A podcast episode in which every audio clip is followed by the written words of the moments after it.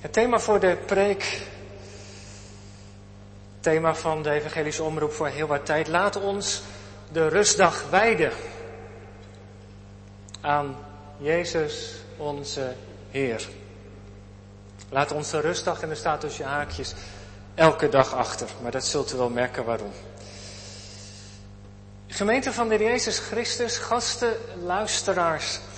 Als er één gebod is waar er veel over wordt gediscussieerd, is dat wel het vierde gebod. Gedenk de Sabbatdag dat u die heiligt. Zes dagen mocht u arbeiden, al uw werk doen, maar de zevende dag is de Sabbat van de Heere uw God. En wie kent die vragen niet? Mag je nu wel of niet een ijsje kopen op zondag? Wel of niet naar het strand of naar het zwembad? Mag je televisie kijken op zondag? Of schaatsen straks als er sneeuw ligt en ijs op het water? S'avonds na twaalf uur thuiskomen op zaterdag. Hoe vaak gaat het gesprek niet over deze dingen in en rond de zondag? En dat niet alleen als je kinderen hebt, maar, maar ook vanuit de samenleving dringen deze vragen zich steeds meer op. Als je wat terugkijkt in de tijd, de zondag is behoorlijk van karakter veranderd in de afgelopen 50 jaar. Steeds meer mensen werken. Er wordt ook steeds normaler gevonden. Nou had je vroeger natuurlijk wel mensen die altijd op zondag moesten werken. Boeren, politie, brandweer soms, mensen in de zorg.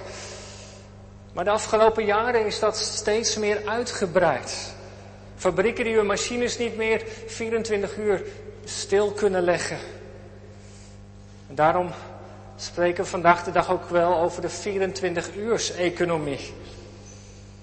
De smartphone en de tablet maken het makkelijk om in het weekend nog even wat zaken te doen en dingen voor je werk te regelen. Maar ook in de samenleving, in de beleving van mensen, misschien bij jou of u ook wel eens de zondag behoorlijk veranderd. Steeds meer koopzondagen. Stad Gouda heeft er in ieder geval al 17, of meer nog wel, in de binnenstad. Vandaag bijvoorbeeld, winkelen voor veel mensen is een gewoonte geworden.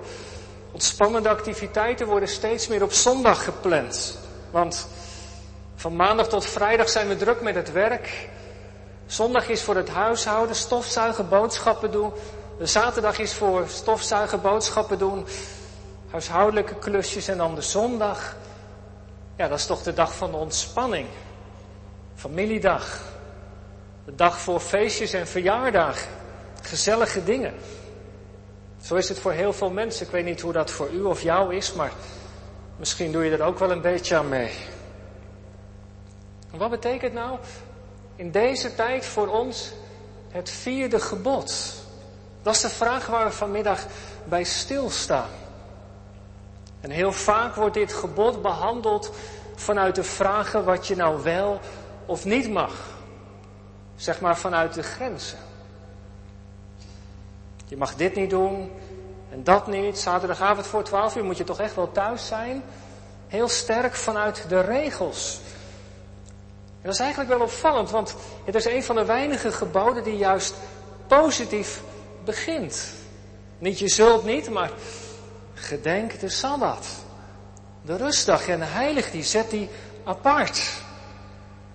En samen met het vijfde gebod, eer de vader en de moeder, zijn dat in ieder geval twee geboden die positief van toon zijn. Maar in de praktijk gaat het vaak over wat je wel en wat je niet moet doen.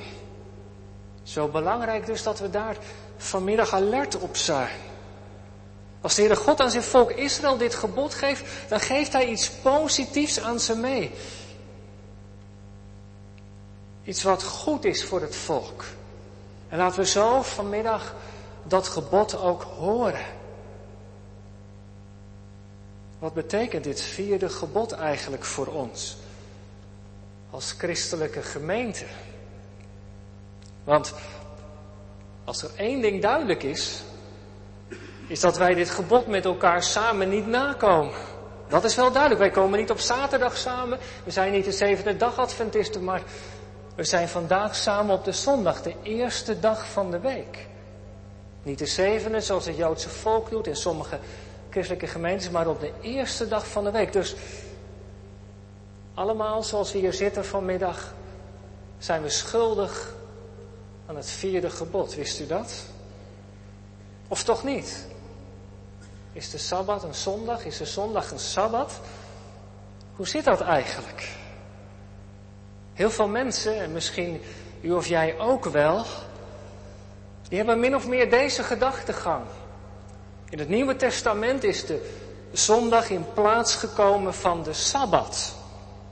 Een lijn die in onze traditie, de gereformeerde traditie, ook wordt gevolgd. En ik denk dat velen van ons er zo ook bij zijn opgevoed.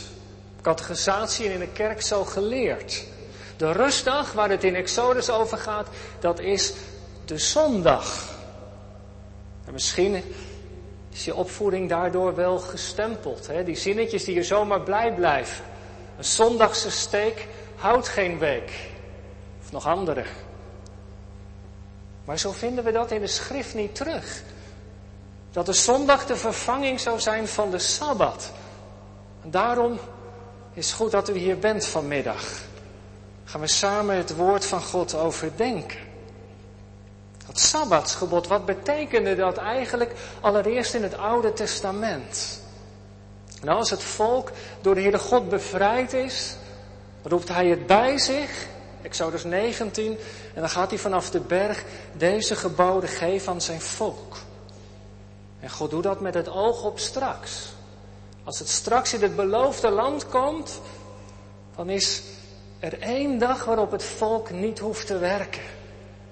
Had ze juist bevrijd uit die verstikkende slavernij. Van die 24 uurs economie van Egypte. Hij is ze daaruit uitgeleid.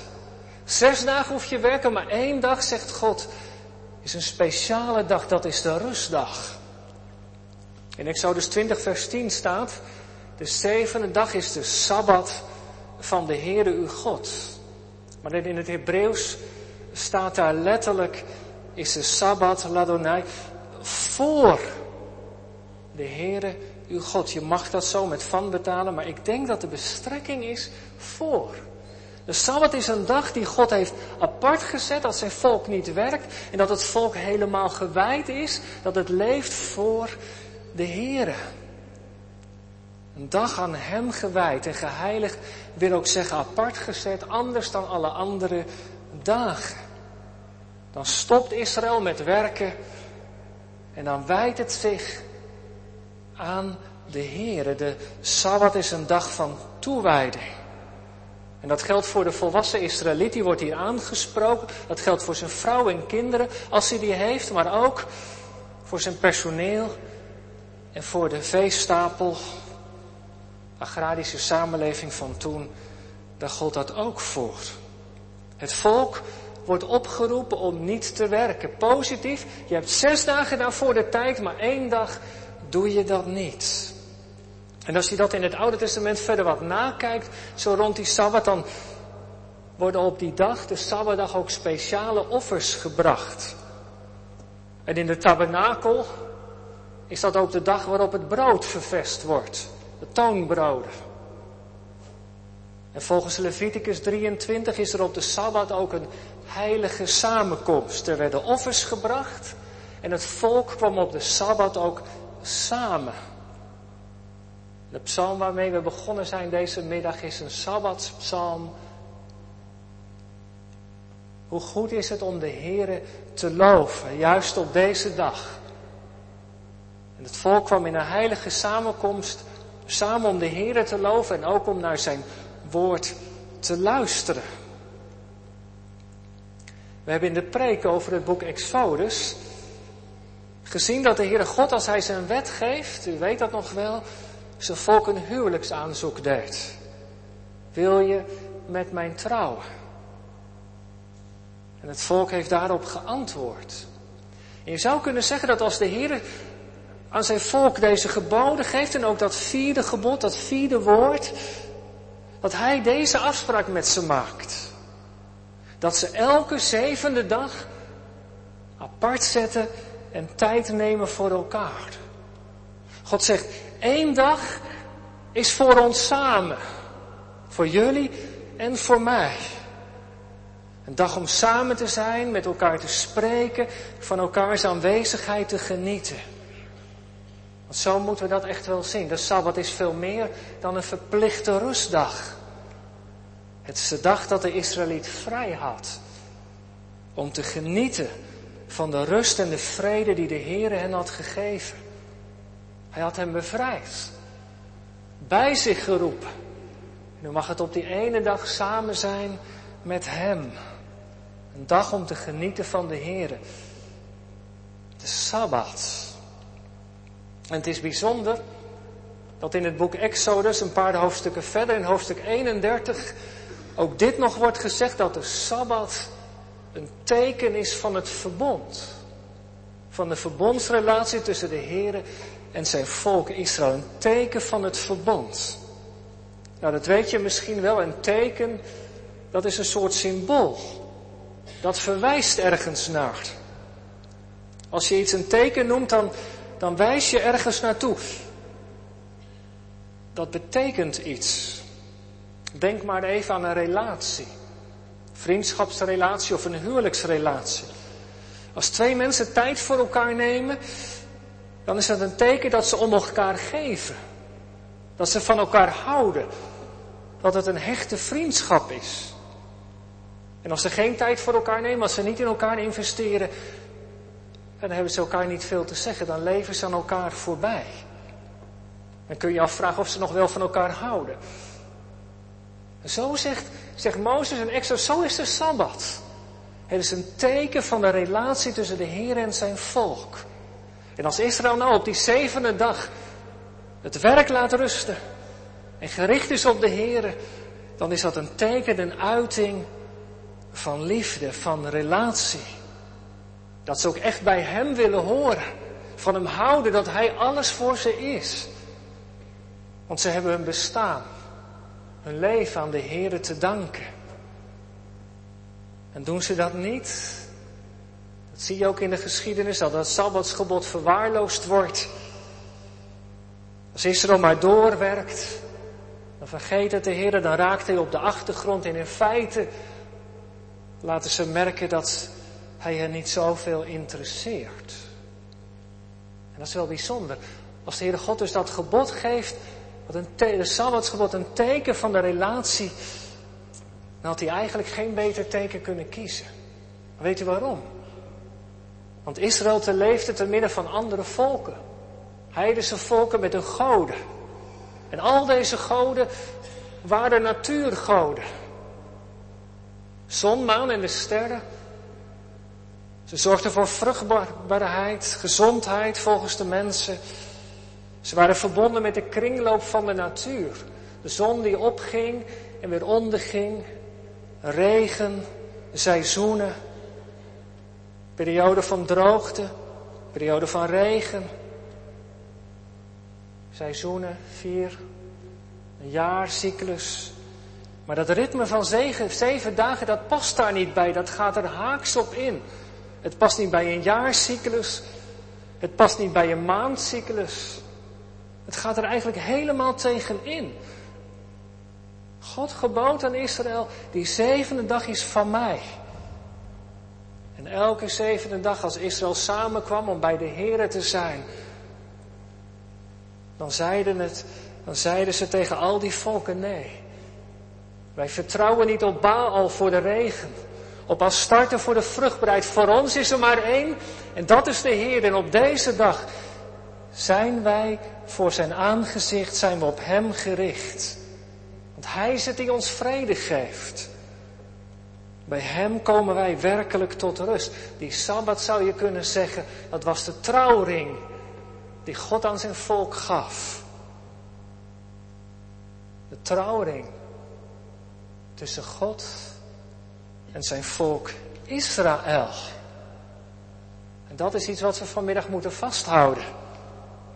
Het Sabbatsgebod is een gebod dat God uitsluitend aan Israël geeft. Nergens in de Bijbel vinden we een aanwijzing dat een Sabbat ook voor andere volkeren zou gelden. Heel veel mensen denken dat de Sabbat een instelling is van de schepping. Dat God de Sabbat had ingesteld toen hij de dagen van de week maakte. Maar als je Genesis goed leest, dan staat dat er niet. Het is de zevende dag waarop de Heere God rust. Maar het woordje Sabbat kom je ergens pas in het boek Exodus tegen, niet eerder. Exodus 16 meen ik. En Ezekiel 20, Nehemia 9 zeggen dat in de woestijn God de Sabbat aan Israël gaf. Niet eerder. En de Joden die hebben dat ook heel goed begrepen. Ze hebben de Sabbat alleen als bindend gezien voor Israël en niet voor de heidenen. En later, als in het apostelconvent, de eerste synode die in de kerk wordt gehouden, handelingen 15, een vraag aan de orde komt. Joodse gelovigen, die horen dat er heel veel heidenen tot geloof komen. Er komt de vraag op welke wetten moeten zij allemaal gaan onderhouden. Met elkaar onder leiding van de Heilige Geest komen ze dan tot de conclusie dat er vier dingen nodig zijn voor de heidenen. Handelingen 15 vertelt het. Geen afgodenoffers, geen bloed eten, geen vlees van verstikte dieren, geen hoerderij plegen. Maar ze noemen niet het Sabbatsgebod. Dat is een spannende conclusie. En het wordt nog spannender als we kijken naar onze heiland. En naar de apostel Paulus. Zijn derde punt in de preek. De Sabbat in het Nieuwe Testament. We hebben Lucas 13 gelezen. Het hoofd van de synagoge is in opstand gekomen. Moet je nou zien, zegt hij, we hebben zes dagen om te werken en op die zevende dag doet hij het weer. Heer Jezus gaat in een synagoge binnen en dan moet hij zo nodig weer iemand bevrijden. Hij heeft daar toch zes dagen de tijd voor. De Sabbat is een dag dat je niet moet werken, zegt deze man. Een heilige dag, een dag voor God en ons. En u weet het, hoe vaak in het Nieuwe Testament de Heer Jezus in conflict kwam met de Fariseeën. Met de schriftgeleerden over dat Sabbatsgebod. Ze waren zo op gespitst om dat woord van Exodus serieus te nemen. Het is een Sabbatsdag, die moet je heiligen. Het is een aparte dag. En de rabbijnen hadden het zo bedacht. Ze begonnen de voorschriften van het maken van de tabernakel te bestuderen. Ze kwamen tot de conclusie dat er 39 dingen genoemd werden, werkzaamheden waar mensen mee bezig konden zijn. Die waren nodig om het tabernakel te kunnen maken. Toen zeiden ze met elkaar, nou die 39 dingen, dat zijn de dingen die je niet op Sabbat dus mag doen. En van elke categorie hadden ze 39 voorbeelden gegeven. En zo waren er 1521 geboden die je op de Sabbat moest houden. Maar dat kon natuurlijk niemand. De Sabbat werd een juk. En de Jezus zag al die mensen lopen, hun uiterste best te doen om dat Sabbatsgebod te houden, maar ze gingen aan het juk ten onder. De Sabbat, dat was Gods geschenk aan zijn volk. Maar nu werd het een dienst van mensen aan God. Dat was nooit de bedoeling geweest. De mens is niet voor de Sabbat, maar de Sabbat is er voor de mens, zegt de Heer Jezus. En elke keer weer heeft hij dat duidelijk gemaakt. Daarom overtrad hij al die regels van die fariseeën om die, die dag weer te herstellen. Zoals God het had bedoeld. Als een dag van rust. Om met de Here om te gaan. Om te rusten in, in wat Hij voor je heeft gedaan. Hij was de God die je had bevrijd. Daar hoefde je niks voor te doen. Dat mocht je als een geschenk ontvangen. Dan mocht je uitleven. Heer Jezus roept de mensen op om de Sabbat weer te gaan zien, niet als een dag van menselijke prestatie, maar van goddelijke gratie. Om je te verheugen in Hem.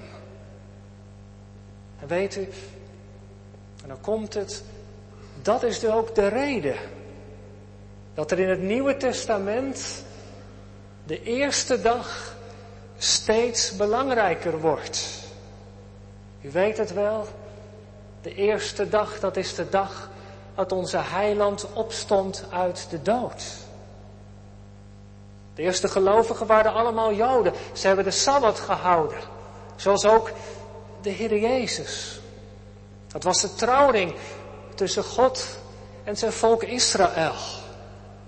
Maar al gaandeweg zijn deze gelovigen, die de Heer Jezus hadden leren kennen als hun Messias, op de eerste dag van de week gaan samenkomen.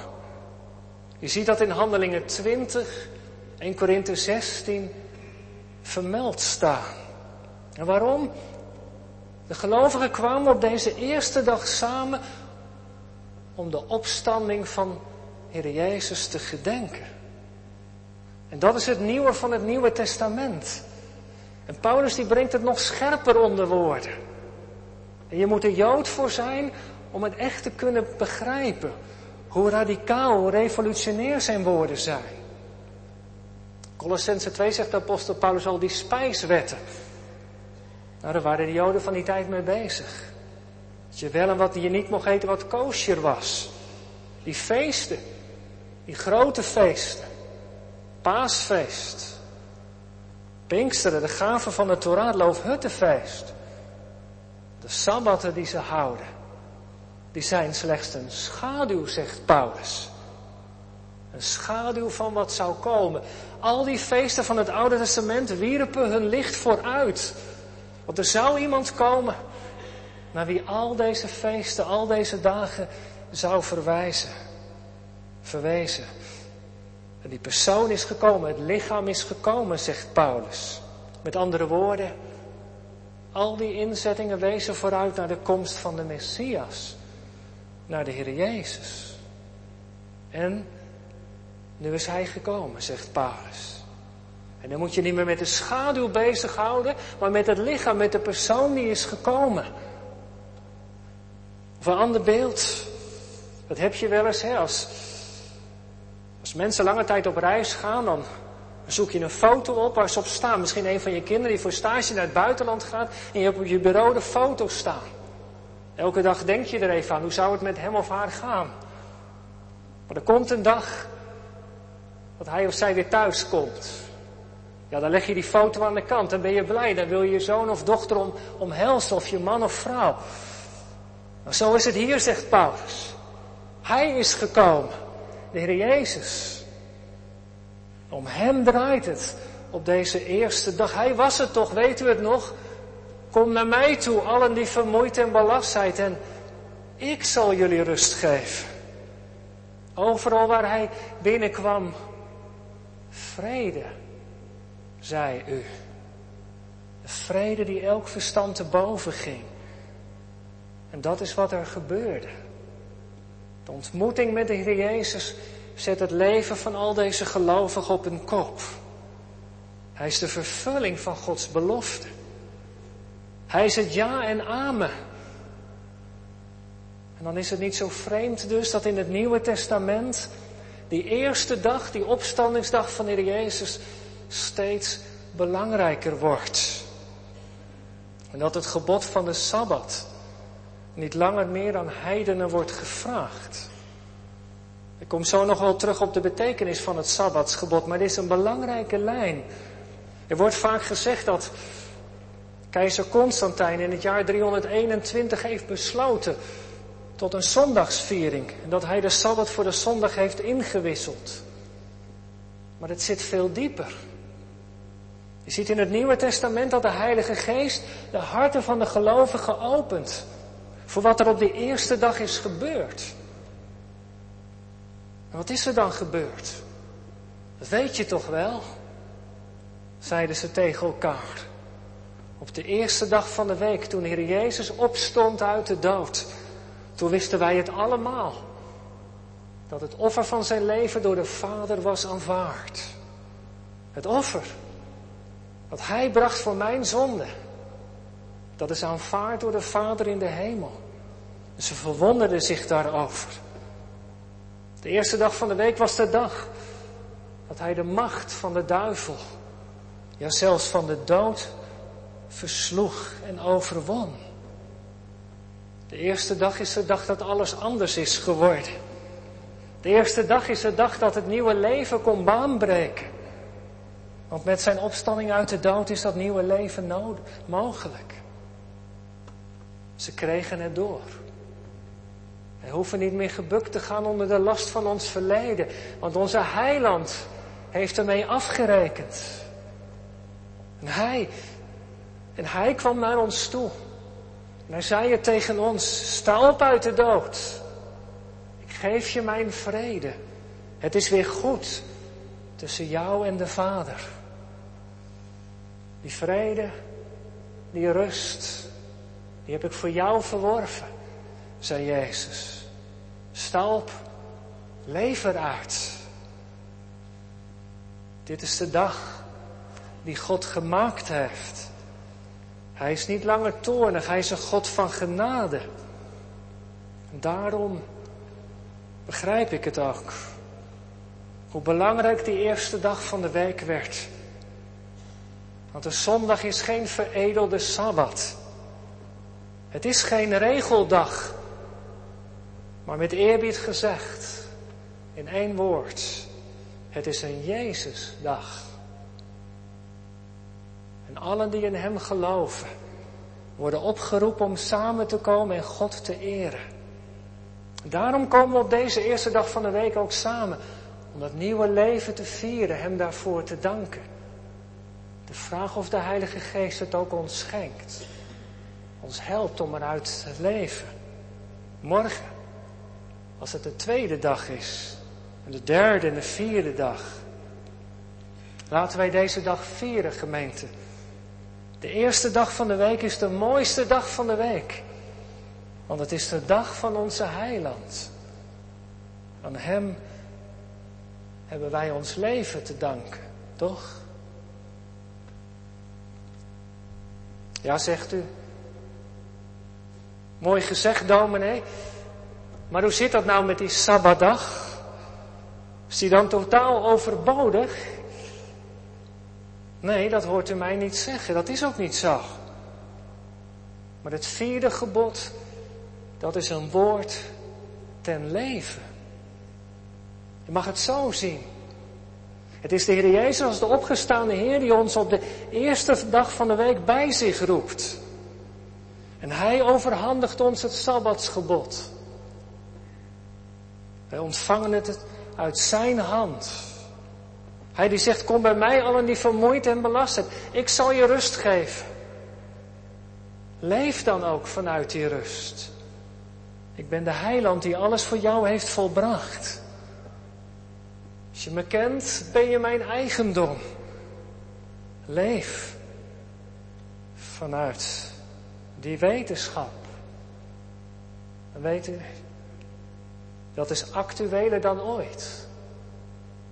Actueler dan ooit. Ik geef twee voorbeelden. Twee, ik noem twee dingen. Waarom? Nou, wat was de kern van het Sabbatsgebod? Wat is de waarde die achter het Sabbatsgebod ligt? Nou, dat was een dag van ophouden. Van stoppen met je werk. Maar dat geldt nog steeds. Actueler dan ooit in onze 24-uurs-economie. Waar alles van werken afhangt. Die agenda, kijk er eens naar. Het lijkt alsof die met de jaren voller wordt. De kerkraadsagenda in de loop van de jaren wordt steeds voller en voller. En we worden opgejaagd door onze agenda's. En als je niet mee kunt, kom je aan de zijlijn te staan. Ben je eigenlijk een watje of een loser? Een mislukkeling. Onze cultuur zweept ons maar weer op. Het moet sneller, efficiënter. En als we niet uitkijken, doen we er als kerk ook nog aan mee ook. En weet u, weet je wat het misleidende is? Dat wij onze identiteit ervan laten afhangen. Ik ben wat ik presteer.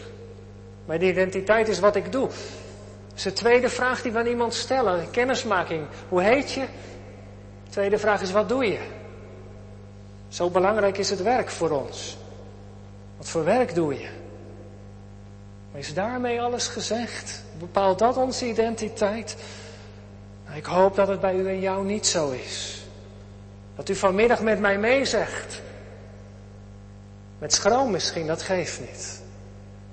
Maar als het recht op aankomt, dan is dit wat ik beleid. Ik ben door genade het eigendom van de Heer Jezus geworden. Zegt u dat mee? Ben zijn eigendom. En dat bepaalt wie ik ben. Mijn identiteit. Mag ik op de eerste dag van de week telkens opnieuw weer horen. Kom samen in de kerk. Om te horen dat er één is die alles heeft volbracht. Die het voor mij heeft volbracht. Ik hoef het niet te doen. Het is volbracht heeft geklonken. Daarom is deze eerste dag, die wij zondag noemen, de dag bij uitstek, dat ik mijn werk laat liggen. Dat ik niet mail of actief ben op sociale media. Waarom niet? Omdat het niet mag? Omdat de zondag een sabbat is vol regels? Nee. Alles is mij geoorloofd. Ik ben vrij in Christus. Maar niet alles is nuttig. Niet alles is goed voor mijn relatie met de Heer Jezus. Alles is mij geoorloofd, zegt Paulus, maar ik zal mij door niets laten knechten. Dat is het appel. Niet door sport, niet door voetbal, niet door het nieuws, niet door die repetitie morgen op maandag. Dat project wat komende week begint, ook niet door mijn zorgen. Want de eerste dag, dat is de dag van onze heiland. Hij die alles volbracht heeft. Bij wie ik werkelijk aan zijn voeten mag zitten en werkelijk tot rust komt. Dit is de dag waarop mijn heiland mij pakt. En mij even boven de omstandigheden uitteelt. En in mijn hart fluistert.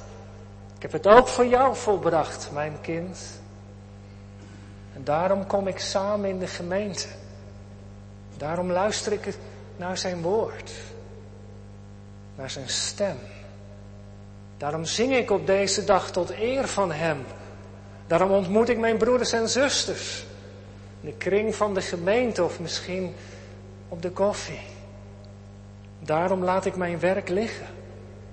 Ga ik niet shoppen op zondag, maak ik geen gebruik van de horeca, want ik heb één verlangen, ik wil op Hem gericht zijn. Hij is het waard. Ja, zeg je, en die vragen dan. Wat mag ik nou wel of niet op zondag? Hoe moeten we daarmee omgaan in het gesprek met onze kinderen? Ik zou er dit over willen zeggen. Neemt u het alstublieft eens mee naar huis. Drie dingen. Alles wat de band met de Heer Jezus versterkt, dat is goed. Twee. Alles wat de band met de Heer Jezus niet in de weg staat, dat is niet per definitie fout. Daar moet je het samen over hebben. Samen voor bidden. Drie. Alles wat de band met de Heer Jezus niet versterkt, dat kun je maar beter laten rusten. Want gemeente, en dat is het tweede, daar eindig ik mee. Het Sabbatsgebod, dat gaat nog verder. De Sabbat, dat was de trouwring tussen God en Israël. Eén dag apart, helemaal gewijd aan Hem. Maar zeg nu zelf, nu de liefde van God in de Heer Jezus zich zo verdiept heeft, zo verinnigd. Nu de Heer Jezus ons in zijn Zoon, dat vieren we deze dagen van Advent en Kerst, nu Hij ons zo dichtbij is gekomen. Nu Hij elke eerste dag van de week met zijn armen uitgebreid naar ons staat, kom bij mij. Dan zou het toch wel mager zijn als ze maar één dag aan Hem wijden. Het teken van liefde tussen de Heer Jezus en ons, dat is toch iets van alle dagen. Laat ons de rustdag wijden. Ja, van harte. Het is een geschenk dat we in deze cultuur deze eerste dag samen kunnen vieren. Maar laten we vooral ook dat tweede doen. Laat ons elke dag wijden aan de Heer Jezus. De liefde van Christus mag heel ons leven bepalen. Dat Sabbatsgebod, dat wordt niet afgeschaft, maar het wordt verdiept. Het wordt verbreed. Het wordt eindeloos veel omvattender dan die ene dag. Wat ik mag. En daartoe word ik uitgenodigd, u, jij ook. Om elke dag met de Jezus te leven. Dan mag je dat op de eerste dag ervaren dat hij je rust geeft. Maar op de tweede dag ook. Tot en met de zevende dag. Elke dag mag je zijn kracht en nabijheid ervaren. Zie, ik ben met je. Elke dag. Het Sabbatsgebod wordt verdiept. Wijd dan elke dag aan Hem. En dan zul je merken dat je Zijn rust en vrede zult ontvangen. En straks, als Hij komt, dan mag je voor eeuwig genieten. Nu al een beetje, maar straks volkomen. Genieten van Hem, die ons zo lief heeft. Eerste dag is een Jezusdag. Laten we daarover zingen en Hem van harte prijzen. Amen.